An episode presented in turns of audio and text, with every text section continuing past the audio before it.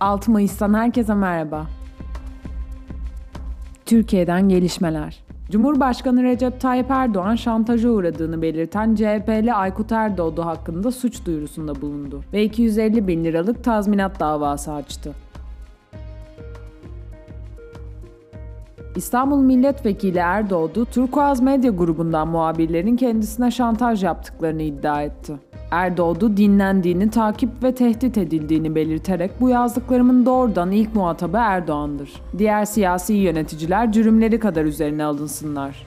Siz milyonlarca insanı mağdur eden ve vicdanın kırıntısı bile olmayan bu canavar düzenin kurucususunuz. Siz bu suç örgütünün bir numarasısınız dedi.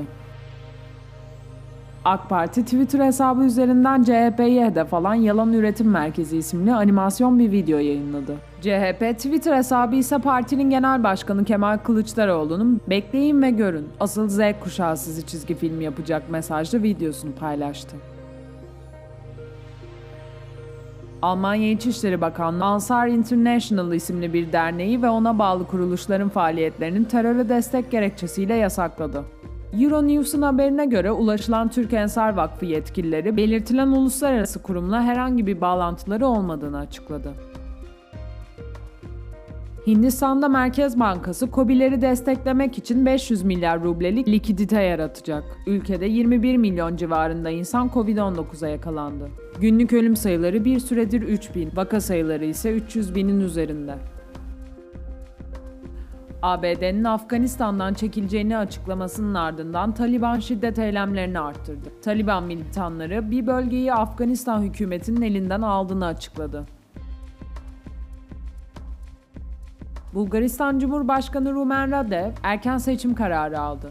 Gerekçe ise 4 Nisan seçimlerinin neticesinde oyların çok bölünmesi ve hükümetin kurulamaması. Radev 11 Temmuz'da halkın sandık başına gideceğini duyurdu. Almanya doğumlu filozof ve sosyolog Jürgen Habermas, Birleşik Arap Emirlikleri'nin 225 bin avro değerindeki Şeyh Zayed kitap ödülünü reddetti. Habermas, ödülü insan hakları endişeleri sebebiyle kabul etmediğini söyledi. Facebook'un yarı bağımsız gözetim kurulu eski ABD Başkanı Donald Trump'ın Facebook hesabının kapatılması kararını uygun buldu. Facebook politikalarının uygunluğunu inceleyen Facebook Gözetim Kurulu, Trump'ın 6 Ocak'ta Kapitol baskınından sonra kapatılan hesabı ile ilgili incelemesini sonlandırdı. Ayrıca kurul, belirsiz ve standartsız bir ceza ile platformdan yasaklamanın doğru olmayabileceğini söyledi. Çin'in Tianhe isimli bir uzay istasyonunu inşa etme projesi kapsamında uzaya yolladığı ilk modülü taşıyan roketin gövdesi kontrolden çıktı. Saatte 27.600 km hızla dünyanın etrafında dönen gövdenin atmosferden geçmeyi başaran parçalarının nereye düşeceği tam olarak bilinmiyor. İsrail'de İsrail Cumhurbaşkanı Reuven Rivlin tarafından hükümeti kurmakla görevlendirilen Benjamin Netanyahu hükümeti kuramadı. Hükümet kurma görevi böylece muhalefet lideri Yair Lapid'e geçti. Nus'la gelişmeleri dinlediniz. Hoşçakalın.